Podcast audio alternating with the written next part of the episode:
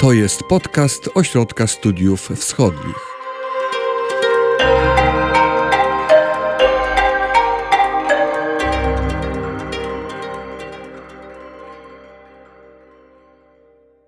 Azja Centralna jest w pewnym sensie kolebką religii. Oczywiście. Mamy tam wpływy buddyjskie, mamy też katolików. Tak.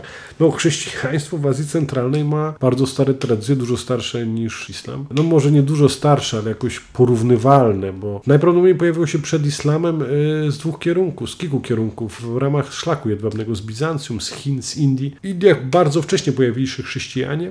To byli chrześcijanie świętego Tomasza, oni tak się określają, jako osoby oni przypisują założenie swoich gmit chrześcijańskich w- wyprawom apostoła świętego Tomasza. Natomiast prawdopodobnie pojawili się oni później, natomiast ci y, chrześcijanie dość szybko przyjęli prześladowane w Bizancjum ryt nestoriański, uważany w Bizancjum za herezję, to, to związane było z naturą Chrystusa jako Syna Bożego i z naturą związaną z tym Matki Boskiej. Doszło do podziału na, na prawosławnych, monofizytów i, i Nestorian w wyniku y, soborów w Chalcedonie. I Nestorianie, prześladowani bardzo w Bizancjum, podobnie jak monofizyci, oni rozprzestrzenili się bardzo szybko w Azji, w Indiach, w Chinach, w Azji Centralnej i biskupstwa, katedry, całe wspólnoty chrześcijan nestoriańskich istniały w Azji Centralnej. Wykorzystywał to potem w czasie swoich podbojów Chingis Khan, czyli plemiona chrześcijańskie z Azji Centralnej i z Mongolii. Mongolia też jest traktowana jako część większej Azji Centralnej. Wykorzystywał do walk z chrześcijanami w Europie Zachodniej. Wiedząc, że dla Europy Zachodniej ważnym elementem jest chrześcijaństwo, on traktował religię użytkowo. Na przykład w bitwie pod Legnicą, według niektórych źródeł y, kronikarskich, Kerejci i Najmanowie mieszkający w Azji Centralnej, będący Nestorianami, obecnie te plemiona wchodzą w skład mm, wielkiego narodu kazachskiego, Najmanowie to najliczniejsze plemię kazachskie, wystawili chorągwie z krzyżami przeciwko krzyżowcom y, księcia śląskiego Henryka Brodatego, co wprowadziło w ogromne zamieszanie no, wyprawę organizowaną jako krucjata przeciwko tam tatarskim mieściom z piekła, tam Tartarorum i tak dalej, i tak dalej. A dla, znaczy na tym stadion wystawiał muzułmanów przeciwko innym muzułmanom, też z Azji Centralnej.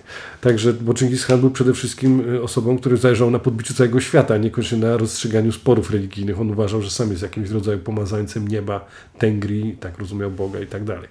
Natomiast, żeby było ciekawiej, w Azji Centralnej w obecnych przekazach takich ludowych na temat Chingis Khan został zislamizowany. W Azji Centralnej, w takiej nie naukowej dyskursie, tylko ze zwykłymi ludźmi, zwłaszcza z przedstawicielami społeczności koczownicy, Chingis Khan jest muzułmaninem.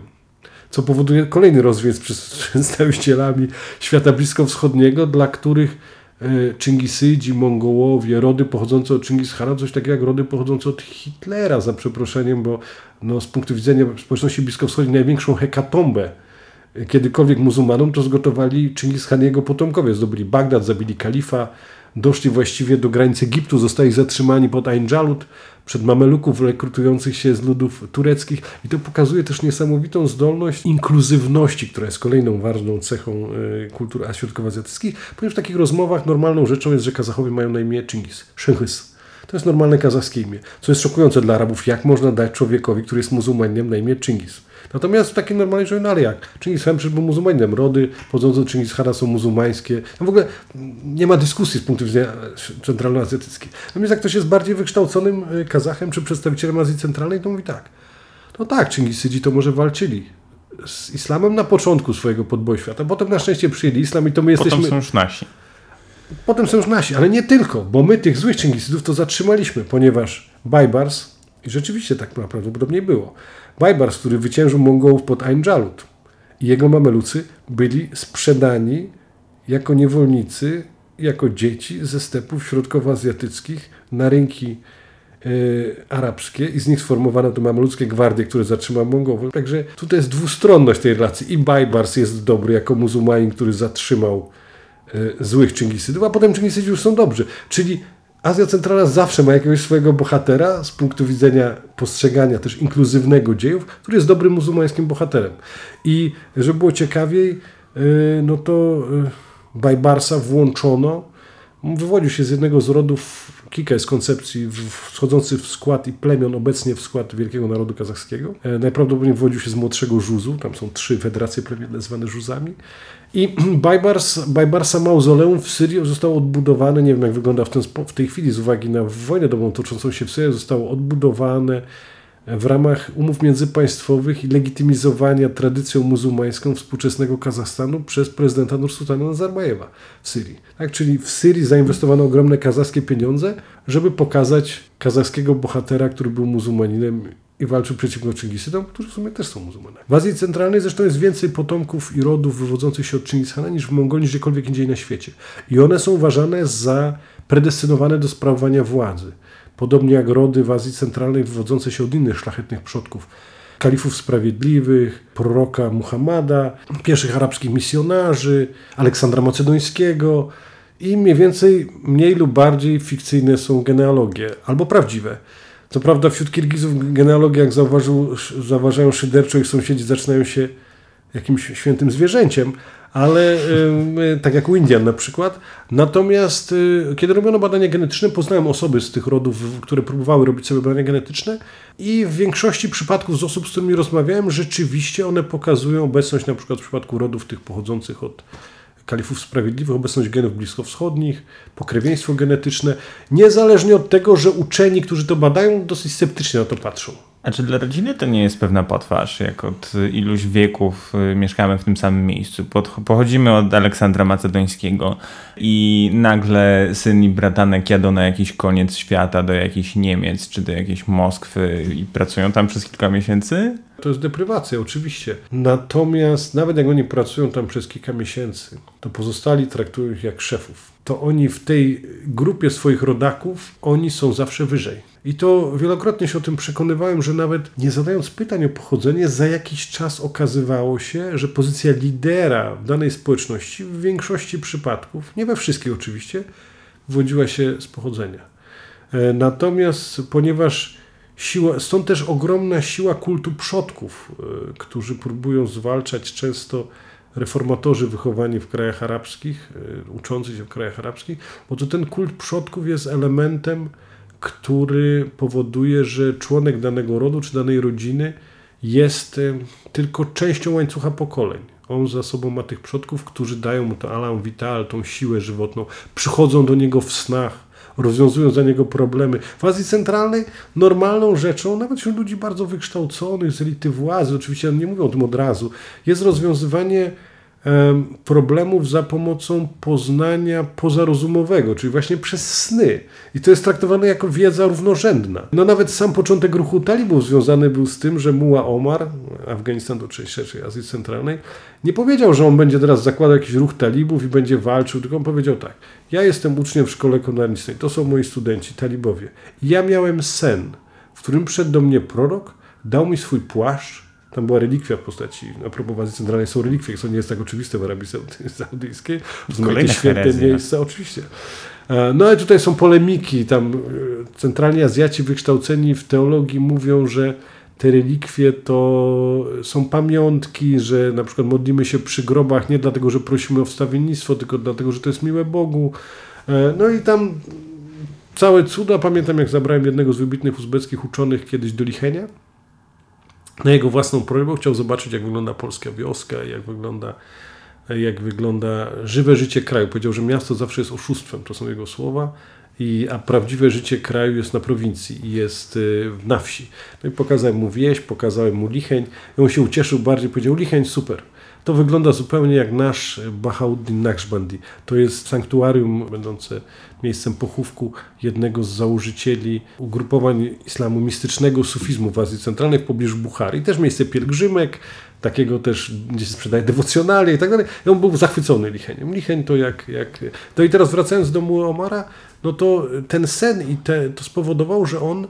Yy, że on rzeczywiście wziął ten płaszcz, tą relikwię, założył na siebie i ludzie za nim poszli. Bardzo wiele sukcesów militarnych talibów wynikało nie z jakiejś przewagi militarnej, używania postradzieckich czołgów, czy tego, że cała masa komunistycznych wojskowych przeszło na ich stronę. To też było oczywiście, ale tego, że oni po prostu niemalże jak w opowieści Kiplinga o Azji Centralnej pod tytułem Człowiek, który miał być królem, szli po prostu z koranami nad głową i mówili, że oni są siłą rozjemczą, że Omar miał, że Muła Omar miał sen, że jest świętym człowiekiem, że trzeba przestać walczyć, jemu się podporządkować, przecież on miał sen, został wybrany i tak dalej, wszyscy rzucali broń. Niemalże no właśnie jak, jak w tej kiplingowskiej opowiastce o tym, jak yy, grupa żołnierzy brytyjskich dociera do fikcyjnego Nuristanu. Najprawdopodobniej to jest region yy, Afganistanu, który jest Nuristanem. Obecnie to jest opisane jako taki bajkowy Nuristan.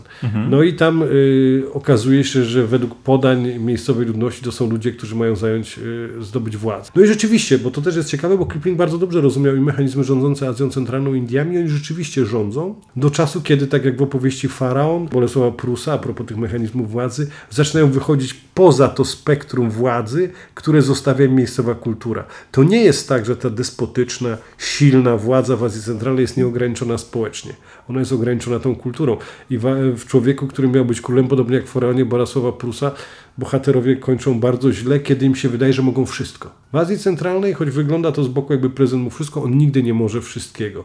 On musi odwoływać się do mechanizmów rządzących miejscowymi społeczeństwami. Kończąc wątek islamu, jak jesteśmy przy opowieściach, które będą jeżyły włos na głowie sunnity z dżubby, to dla mnie taką społecznością, która wywarła największe wrażenie są szyici ismailscy mieszkający w Pamirze. To jest To bardzo- absolutnie niezrozumiałe, myślę, dla pobożnego muzułmanina, że można się wyrzec swojej wiary i nadal być muzułmaninem. I jeszcze być za to pochwalanym.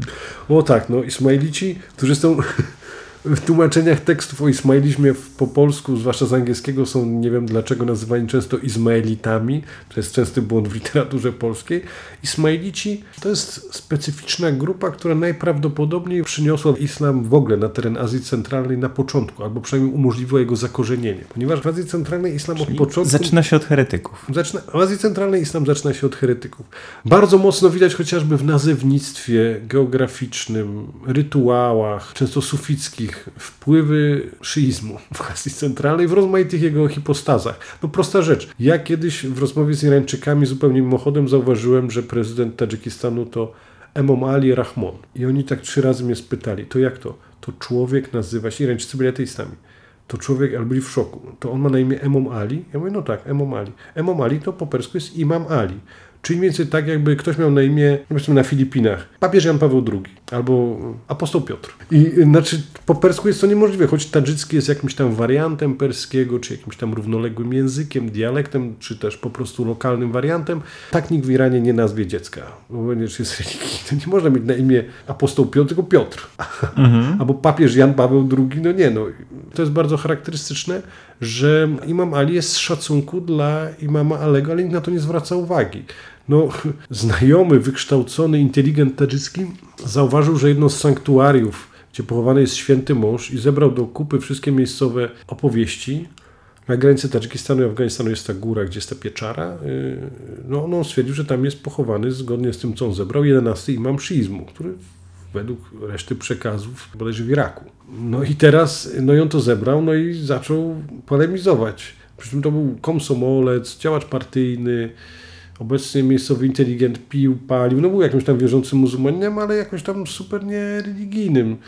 I on po prostu napisał o tym parę artykułów w lokalnej gazecie. Miejscowa hierarchia duchowna wykleła go i ochrzciła go mianem jakiegoś właśnie arabskiego reformatora, który niszczy miejscowy porządek społeczny, kiedy on po prostu opisał to w kategoriach naukowych. No podobna sytuacja miałem z nieżyjącym już moim przyjacielem uzbeckim dziennikarzem, który kiedy chodził po innym świętym miejscu i słyszał, jak miejscowi uzbeccy przewodnicy mówią, że tu jest wszystko tak, jak zastał to prorok Salomon, który z tego miejsca podniósł się do nieba. A tam była właśnie metalowa taka rura zabetonowana, którą mógł się chwycić pielgrzym. No ja mówię, no ale bez przesady, mówi do tych Uzbeków, swoich zresztą tam yy, rodaków z tego samego miasta, nie opowiadajcie takich, że pielgrzymom, przecież to jest no, kto, ktoś to tu zrobił, żeby się ludzie mogli chwycić to stosunkowo niedawno, no bo to jest metalowe i zabetonowane. Oni mówią, tak, ty jakimś wahabitą jesteś, co w Saudowskiej Arabii się uczyłeś saudyjskiej, że sobie pozwalasz na takie wycieczki osobiste pod adresem świętych mężów, którzy tu opisują ludziom. Także to jest bardzo ciekawe, że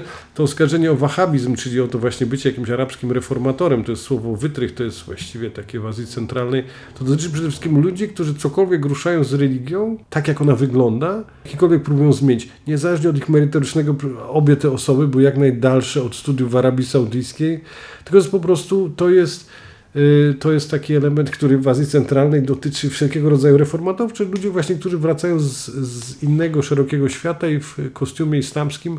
Inny w Azji Centralnej trudno jest przymierzyć, jak pokazuje przypadek mhm. Muammara, żeby coś realnie zmienić. Próbują cokolwiek zmienić w miejscowym świecie. Natomiast jeżeli chodzi o e, Ismailitów, to Ismailici są bardzo ciekawym przypadkiem. Prawdopodobnie pierwsi muzułmanie, albo przynajmniej większość pierwszych muzułmanów na terenie Azji Centralnej była związanymi z rozmaitymi odmianami szyizmu. Ismailici, którzy byli takim specyficzną odmianą szyizmu, związaną nie z dwunastoma imamami, tylko e, z jednym z wcześniejszych imamów, właściwie synem jednego, dzielili się w ogóle na dwa, dwa odłamy i oddzielili się od tej głównej gałęzi szyizmu, którą znamy z Iraku i z Iranu wcześniej i byli stosunkowo mocno prześladowani w, w, na Bliskim Wschodzie i wobec tego, żeby przeżyć i nie zostać zabitymi przez innych muzułmanów, czy nie podlegać rozmaitego rodzaju represjom, to byli jedno z nielicznych ugrupowań muzułmańskich, które można określić mianem misjonarskiego sensu stricte. Ruchy misjonarskie, tak jak znamy z chrześcijaństwa, to w ogóle no, są czymś rzadkim, ponieważ muzułmanie przede wszystkim jakby w myśl swojej religii powinni zajmować się swoją rodziną, a te wszystkie rodzaje misjonarstwa wymagają wyrzeczeń związanych z życiem rodzinnym, jak to pokazałem. Mhm. No, i, no i co? No i jak być misjonarzem? No co, rodzinę zostawić? Natomiast misjonarzami często mimochodem byli kupcy. To było najważniejszy element misjonarstwa, którzy rzeczywiście zostawiali rodzinę i w czasie wyprawy kupieckiej, też takiej gastarbeiterskiej, żeby, żeby zapewnić utrzymanie rodzinie, zakładali następną gdzieś tam już. Też po to, żeby nie zdradzać żony. Mieli drugą, trzecią. W ten sposób y, kupiec też koligacił się z innym rodem kupieckim, z którym w sposób bezpieczny załatwiać interesy. Jego potomkowie byli już przyrodnim rodzeństwem, które spokojnie mogło kooperować między różnymi krajami. Mhm. A trudno jest, jak powiedział jeden z koreańskich, bynajmniej nie. Yy, Yy, choć centralnoazjatyckich biznesmenów, ale pochodzenia koreańskiego, mojemu koledze z Pruszkowa, którego za wszelką cenę chciał wydać za mąż za swoją córkę, powiedział w końcu tak, słuchaj, ale takimi pieniędzmi nie można operować poza rodziną. To też pokazuje, jak to wygląda. No i Ismailici, a Ismailici byli specyficzną grupą, oni rzeczywiście nawracali. Wysyłali ludzi jako dai, jako takich misjonarzy, ale tylko po to, żeby zapewnić safe haven, jakieś schronienie tej reszcie Ismailitów, która mogła wtedy uciec do jakichś świeżo nawróconych pogan. Dzięki temu pojawili się Ismaici na Kaukazie, dzięki temu pojawili się Ismaici w Azji Centralnej i też na niedostępnych obszarach, właśnie na takim Pamirze. po to, żeby tam mogli uciec inni Ismailici. I te, te strategie ismailickie, one spowodowały pojawienie się zupełnie niesamowitych, właśnie takich refugialnych społeczności. No w Gujaracie też są na podobnej zasadzie Ismailici w Indiach, które zrobiły zupełną karierę w XX i XXI wieku, bo cała sprawa zaczęła się w wieku XIX, kiedy jeden z rodów ismailickich, który został oskarżony o spisek przeciwko szachowi Iranu, musiał zbiec do Indii. Ponieważ Ismailici zawsze wykazywali się tutaj dużym instynktem samozachowawczym i sprytem, jako prześladowana taka refugialna grupa heretycka z punktu widzenia pozostałych muzułmanów, więc ten y, przywódca Ismailitów, kiedy uciekł, irański, kiedy uciekł do Indii, próbował poprawić swój stan majątkowy, opodatkowując swoich współwyznawców w Indiach jako przedstawicieli jednego z wyższych rangą w hierarchii rodów ismailskich. Współwyznawcy odmówili. On udał się z tym do brytyjskiego sądu, wygrał sprawę i to już brytyjska administracja kolonialna opodatkowała na jego rzecz jego współwyznawców. Ale jak to w takich sytuacjach rządów brytyjskich indirect rule, czyli rządów pośrednich, coś za coś. I ten ród, nazywany się Agahanami, stał się jednym z największych filarów pomocy brytyjskiej na świecie w różnych krajach. Na początku w Indiach, a potem w innych krajach. Obecnie mieszka w Szwajcarii. Właśnie jeden z przedstawicieli e, rodów, e, właśnie ten e, Agaha, jeden z gałęzi rodu Agahana sprzedał, żeby pokazać, że to wszystko jednak wraca do Azji Centralnej, sprzedał zamek szwajcarski w ostatnich dniach z jakąś nie do pojęcia dla mnie sumę w milionach franków szwajcarskich córce prezydenta Nazarbajewa. Jeden I z Agaha był też e, w przewodniczącym Ligi Narodów. Narodów. Oczywiście. Tak, to ten, to ten. Tak, to z tego rodu. E, I Agahanowie odgrywali ogromną rolę w polityce europejskiej. Agahanowie dostosowali się do standardów Zachodu, stali się normalnymi genewskimi dyplomatami.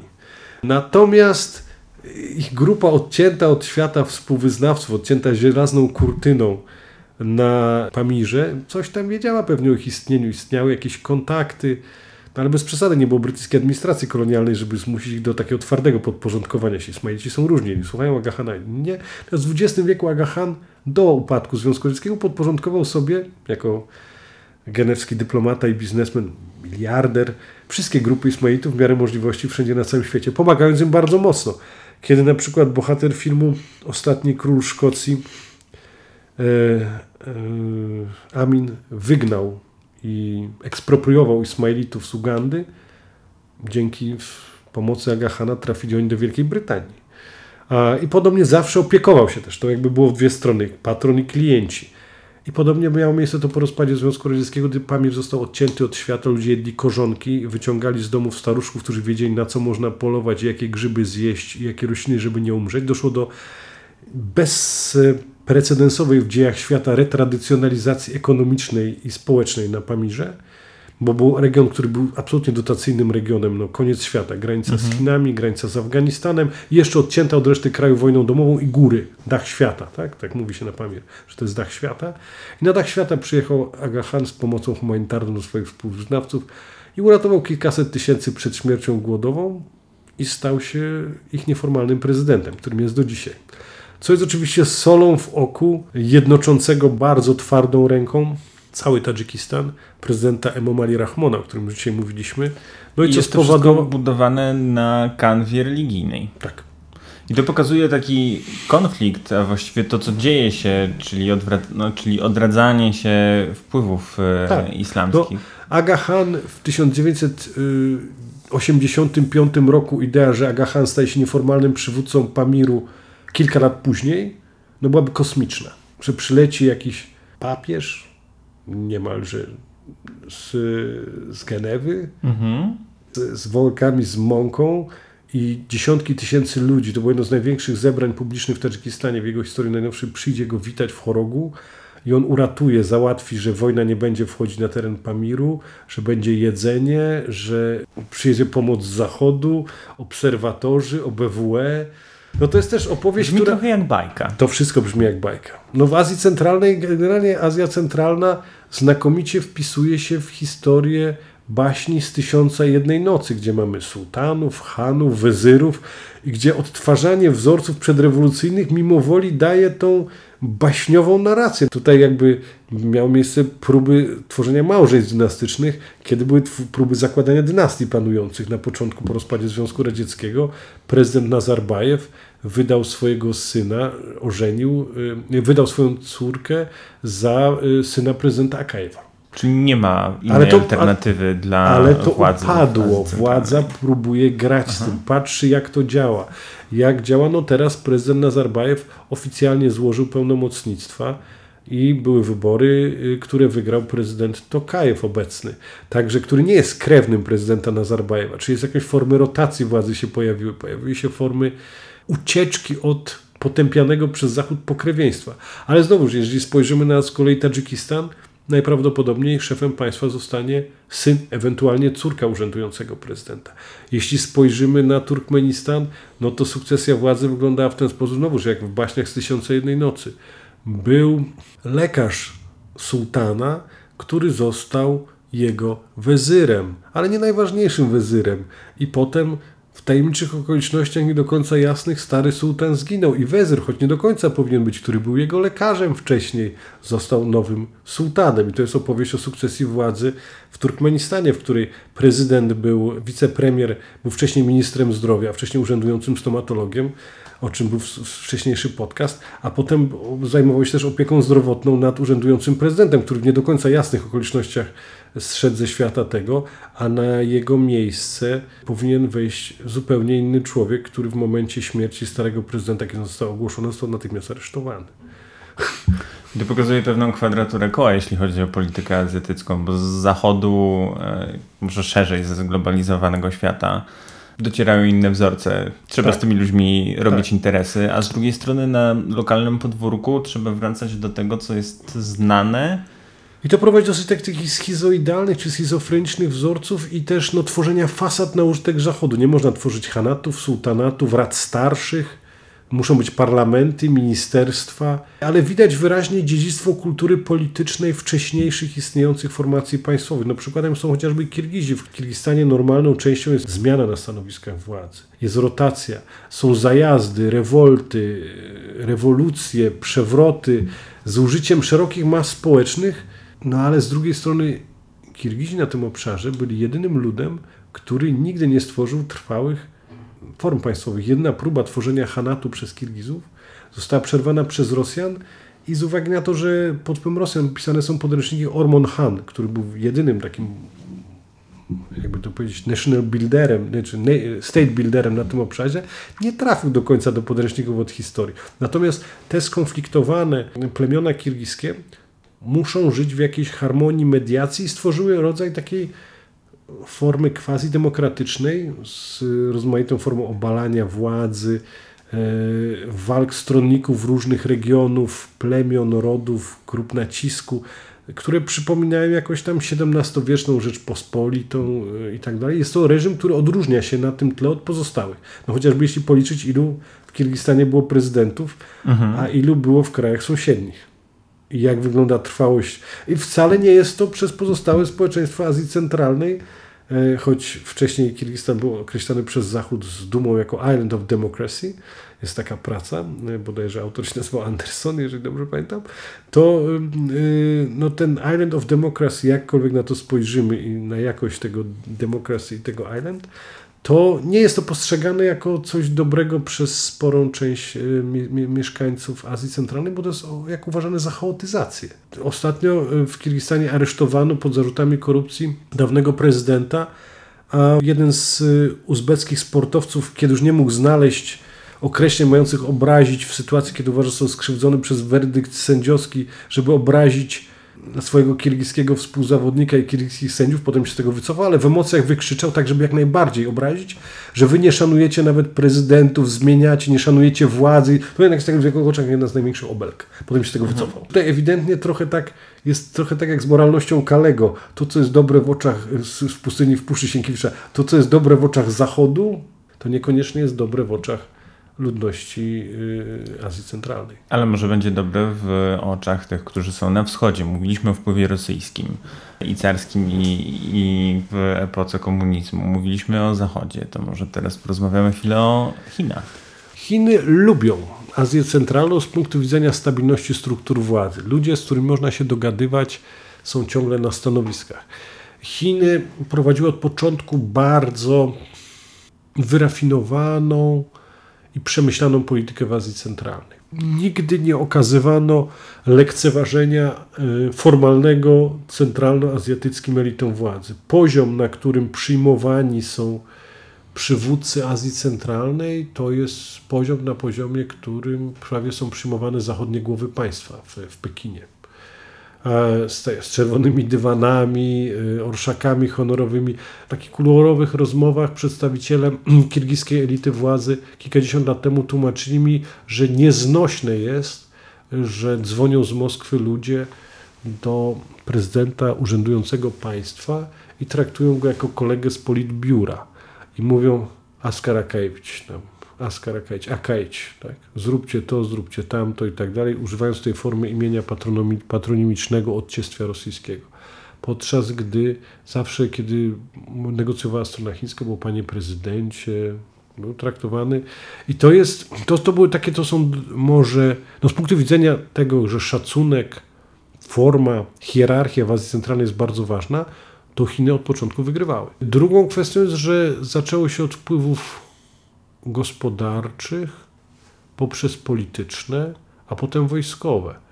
I Chiny stopniowo zaczęły bardzo mocno wchodzić w Azję Centralną, podporządkowując w dużej mierze swoje priorytety relacji z państwami e, centralnoazjatyckimi do niedawna i z miejscowymi społecznościami kwestii dla Chin najważniejszej, czyli relacji z jedną z największych mniejszości w kraju, która zajmuje ogromny obszar, prowincji Xinjiang-Ujgur, które jest naturalnym przedłużeniem Azji Centralnej. Tak jak przedłużeniem Azji Centralnej są powiedzmy, jest Afganistan, e, tej postradzieckiej Azji Centralnej, w jakiś sensie jest północny Iran, e, południowa Rosja, Mongolia, to w Chinach przedłużeniem tego jest prowincja Xinjiang-Ujgur, która znajduje się nad Tybetem, której ludność jest powiązana kulturowo, religijnie, była politycznie, etnicznie z ludnością Azji Centralnej. To jest naturalne przedłużenie.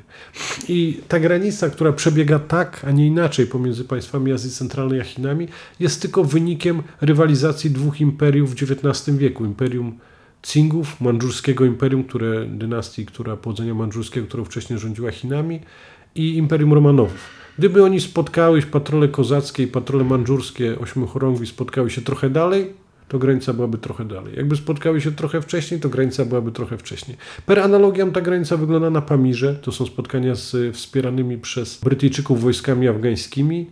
I per analogiam ona wygląda y, tak y, w Iranie. Czyli tam, gdzie wojska irańskie doszły i spotkały się z wojskami rosyjskimi, tam jest teraz Turkmenistan. Czyli to też pokazuje przygodność tworów, które budują mhm. sobie bardzo daleką historię.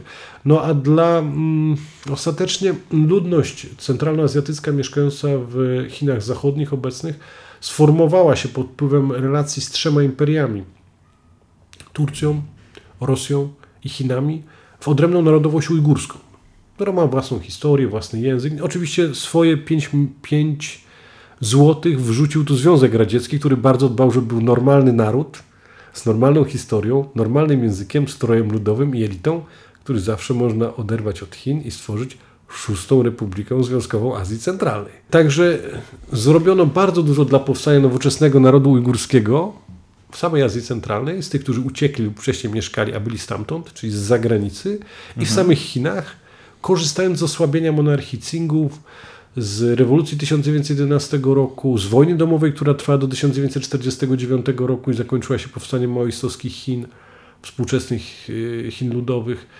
I przez te kilkadziesiąt lat udało się w dużej mierze e, Stalinowi, jego planistom narodowościowym, z pomocą oczywiście miejscowych elit, stworzyć nowoczesny naród ujgurski. On obecnie istnieje. Mhm. I jest największym problemem, oprócz Hongkongu i Tajwanu, wewnętrznym, traktowany jako wewnętrzny problem Chińskiej Republiki Ludowej. I Ale... relacje z Azją Centralną były podporządkowane tego, żeby mhm. utrzymać Xinjiang, ujgurski Xinjiang, jako chiński Xinjiang. Jest też teraz słowem kluczem, jeśli chodzi o nastroje antychińskie, bo ile elity państwa Azji Centralnej e, Chiny zdecydowanie lubią i to widać też po mm, deklaracjach państw ostatecznie muzułmańskich, które mówią Chińczycy robią dobrze, o tyle te lokalne nastroje antychińskie widać. Z jednej strony jest kwestia tego, jak traktowani są Ujgurzy, te informacje przepływają, ale z drugiej też pojawia się kwestia bezlitosnej eksploatacji środowiska naturalnego.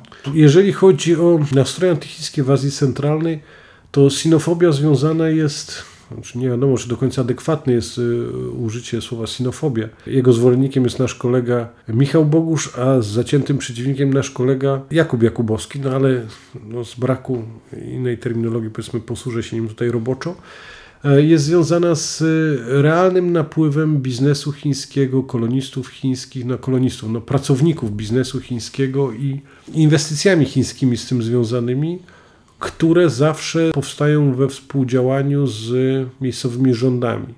Naprawdę no, ten e, biznes chiński on nie szanuje środowiska naturalnego.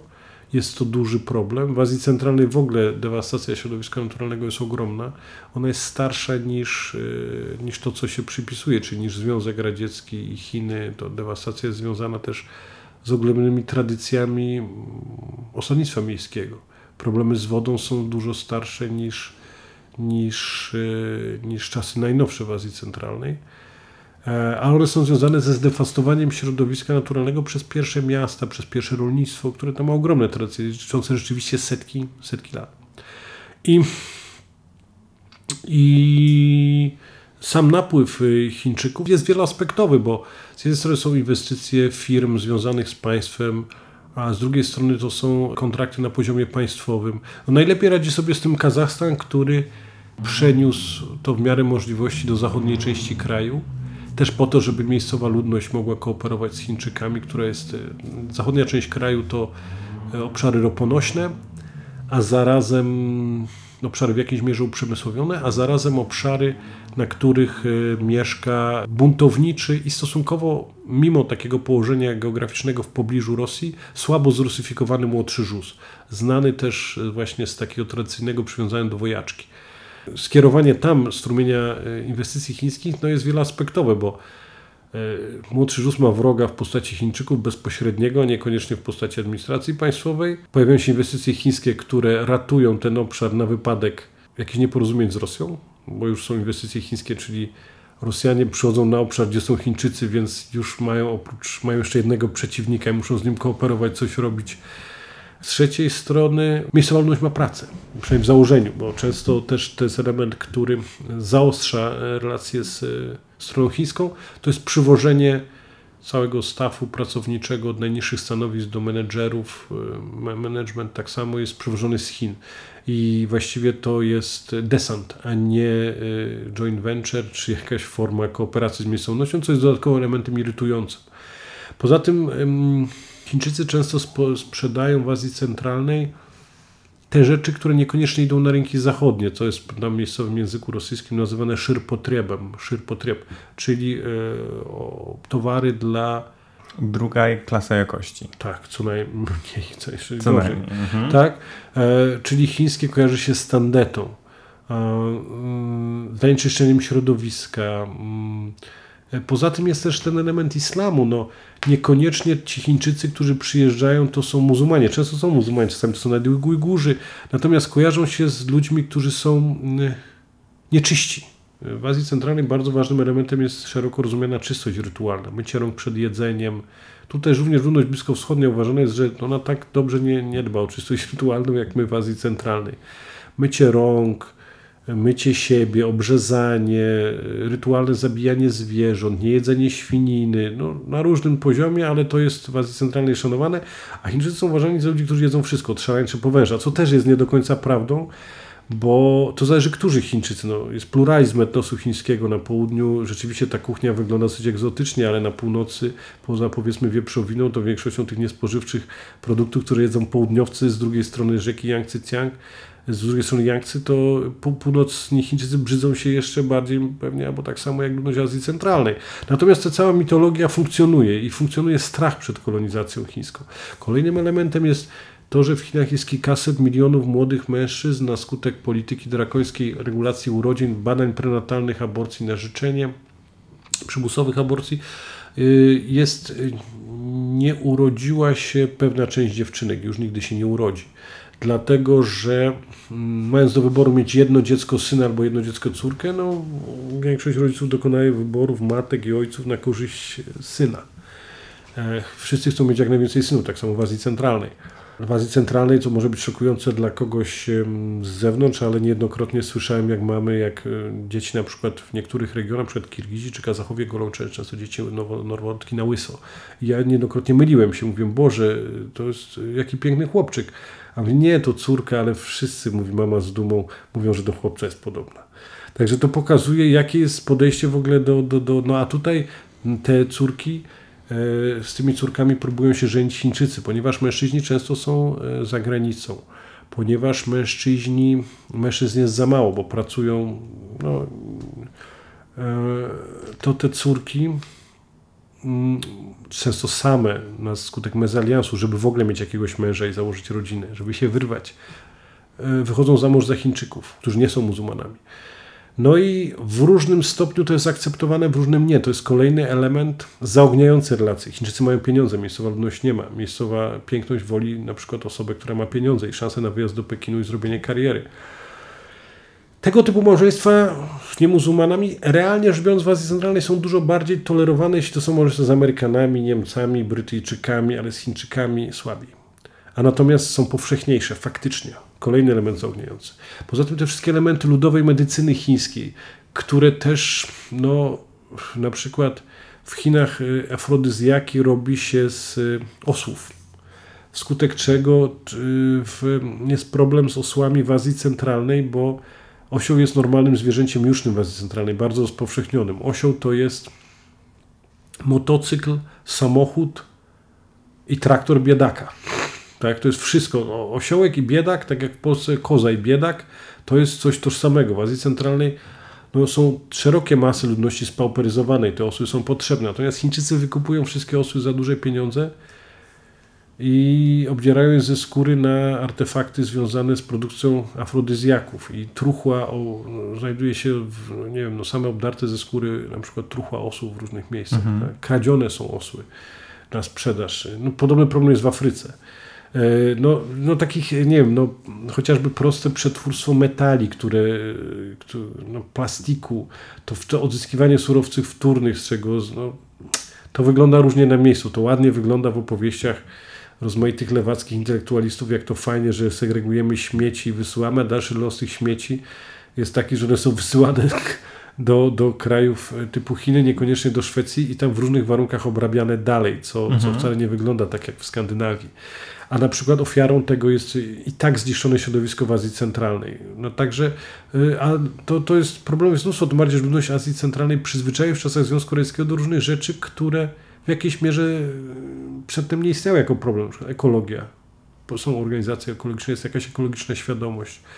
Em, na przykład, no właśnie chociażby gra ze słowem i terminem prawa człowieka czy prawa kobiet, no to wszystko w Chinach jest jednak na, na innym poziomie niż w Azji Centralnej i no i no jest poczucie zagrożenia i życia w cieniu wielkiego sąsiada. Pomagają w tym oczywiście media rosyjskie i prorosyjskie, które no, nie mogąc w inny sposób równoważyć wpływów chińskich, starają się Chińczyków demonizować. A z trzeciej strony no, jest sama tradycja yy, yy, Azji Centralnej walk z y, różnymi ludami, które faktycznie rządziły Chinami. To niekoniecznie byli Chińczycy. Na przykład te walki z dżungarami, którzy przychodzili ze wschodu, którzy zniszczyli sami Chińczycy, czy, czy Ma- Mandżurowie rządzący Chinami, czy z Mandżurami. No na przykład y, jest taki bohater kirgiski Manas, który walczy ze smokiem, tak jak święty Jerzy. No i na przykład jest taki pomnik w centrum, e, podobny zresztą tutaj do pomników, które są niedaleko tutaj tych, tych kawalerzystów naszych ojczystych. Jest taki pomnik, ja właśnie przechodząc to zawsze sobie myślę, że to wygląda jak Manas. Jest taki pomnik w centrum Kirgista- y, Biszkeku koło Filharmonii w stolicy Kirgistanu, Manas właśnie pokonujący smoka. I to jeszcze nie tak jak na tych obrazach ze świętym Jerzym, ten smok jest dosyć pokaźny. Tam często ten smok tak na, na tych kościelnych jakichś freskach, czy to jest taki mała jaszczurka, a tu jest taki pokaźny smok. A na przykład kiedyś mi wielokrotnie tłumaczyli, że ten smok to są Chińczycy i Manas walczył z Chińczykami. Jakby dokonuje się taka jakby mm, reinterpretacja mitów w, w kontekście antychińskim. I ta historia o Manasie walczącym z Chińczykami to jest historia sprzed kilkudziesięciu lat. Już wtedy to poczucie zagrożenia było takie, a co dopiero teraz, gdzie kapitał chiński, wpływy chińskie polityczne, wojskowe, ekonomiczne, migracja, małżeństwa mieszane, gdzie to jest wszędzie właściwie. Teraz ta sytuacja się jeszcze bardziej zmienia. Powstał pierwszy posterunek chiński na, na ziemi centralnoazjatyckiej, po drugiej stronie granicy, w, na Pamirze, właśnie tam, gdzie mieszkają Ismailici, po to, żeby ryglować Pamir na wypadek, gdyby Ujgurzy próbowali uciekać przed e, polityką represji związanych z ich wystąpieniami społecznymi, jaka jest, ma miejsce obecnie w Xinjiangu, lub gdyby Ujgurzy z zewnątrz próbowali przyjść z pomocą, z jakąś bronią, jacyś terroryści, separatyści, no to ten tradycyjny szlak przemytniczy jest regulowany przez posterunek, który znajduje się na ziemi w Tadżykistanie, czego wcześniej nie było. No, państwa centralnoazjatyckie straciły e, sporą część ziemi. No, znaczy to w skali tych krajów to może nie jest dużo, ale jakby popatrzeć, jaki pokaźny kawałek został wycięty na skutek różnych umów granicznych z Kazachstanem, z Kirgistanem i z Tadżykistanem, to, no to są naprawdę duże ilości ziemi, które Chińczycy, wszelkie spory graniczne, a granice były dosyć umowne, no, często wyznaczali jakieś, wyznaczali po prostu posterunki kozackie, a potem na to miejsce posterunki Armii Czerwonej, potem Armii Radzieckiej, to wszystkie te spory Chińczycy rozstrzygnęli na swoją korzyść. Przede wszystkim też starając się o to, żeby źródła wody czy lodowce znalazły się po ich stronie, zanim problem z y, ciepłem i wodą stał się tak widoczny. To Chińczycy zdawali sobie z tego sprawę, że Xinjiang i potrzebuje wody i przemysł w Xinjiangu, który oni budowali, też potrzebuje wody. I starali się zrobić tak, żeby jak najwięcej tej wody trafiło z Azji Centralnej, razem z ziemią też często, do, do Xinjiangu. No i to wszystko, ludność w Azji Centralnej ma tego świadomość. No, wystąpienia antychińskie sprzed kilkunastu lat związane z oddaniem ziemi przez Kirgistan o mało nie skończyły się impeachmentem prezydenta i skończyły się wystąpieniami aksujskimi, gdzie przynajmniej pięć osób zginęło. To, to jeszcze nie było tak oczywiste, że ludzie w czasie demonstracji w Kirgistanie wtedy powinni ginąć, tak jak później się zdarzyło, tak? Bo Kirgistan to jednak wszystko, wszystkie te wystąpienia, protesty odbywały się w sposób pokojowy. To trochę tak jak na graniczącej z nami Ukrainie. Też no, pewnym szokiem było, że ostatni Majdan już był krwawy, a potem doszło do wojny, bo w Kirgistanie było podobnie. Nie było oczywiste, że protesty muszą skończyć się ofiarami śmiertelnymi. Do dzisiaj tak jest. Wystąpienia jednak śmierć jednego w momencie, kiedy to też pokazuje specyfikę Kirgistanu, że właściwie konfrontację dwóch prezydentów, eksprezydenta i urzędującego prezydenta, gdzie były dziesiątki o, osób zrannych, gdzie wyglądało to, że za chwilę może się przerodzić w jakąś szeroką konfrontację na całym kraju, zatrzymała śmierć jednego z szturmujących e, rezydencję eksprezydenta, zastrzelonego przez obrońców. Zresztą to był wysokiej rangi żołnierz sił specjalnych, pułkownik. No i kiedy zginął, no jednak wszystko tam się poddali. Tak, bo jednak nikt nie, nikt nie dąży do eskalacji w Kirgistanie. Nikt nie dąży mhm. do ofiar śmiertelnych. Co nie jest tak oczywiste, gdyby doszło do podobnych wystąpień w pozostałych krajach Azji Centralnej. Tu jednak widać, że to jest wszystko na zasadzie check and balance. Choć wygląda strasznie, ale jakoś się uciera. I to jest specyfika tego reżimu, ale związana z tym, że tam nigdy nie było takiego despotycznego państwa jak w Korei. Nie było tych form.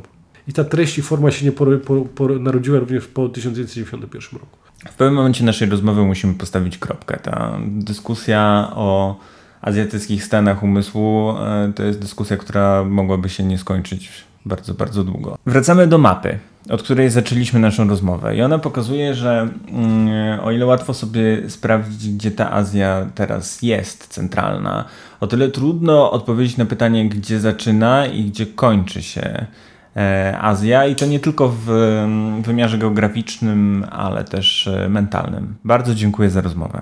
Dziękuję bardzo. A jeśli jesteście Państwo zainteresowani tym, co dzieje się w Azji Centralnej, zapraszamy na oswwaw.pl, gdzie znajdziecie m.in. opracowania doktora Mariusza Marszewskiego. Dziękuję i do usłyszenia. Wysłuchali Państwo podcastu Ośrodka Studiów Wschodnich. Więcej nagrań można znaleźć na stronie www.osw.waw.pl.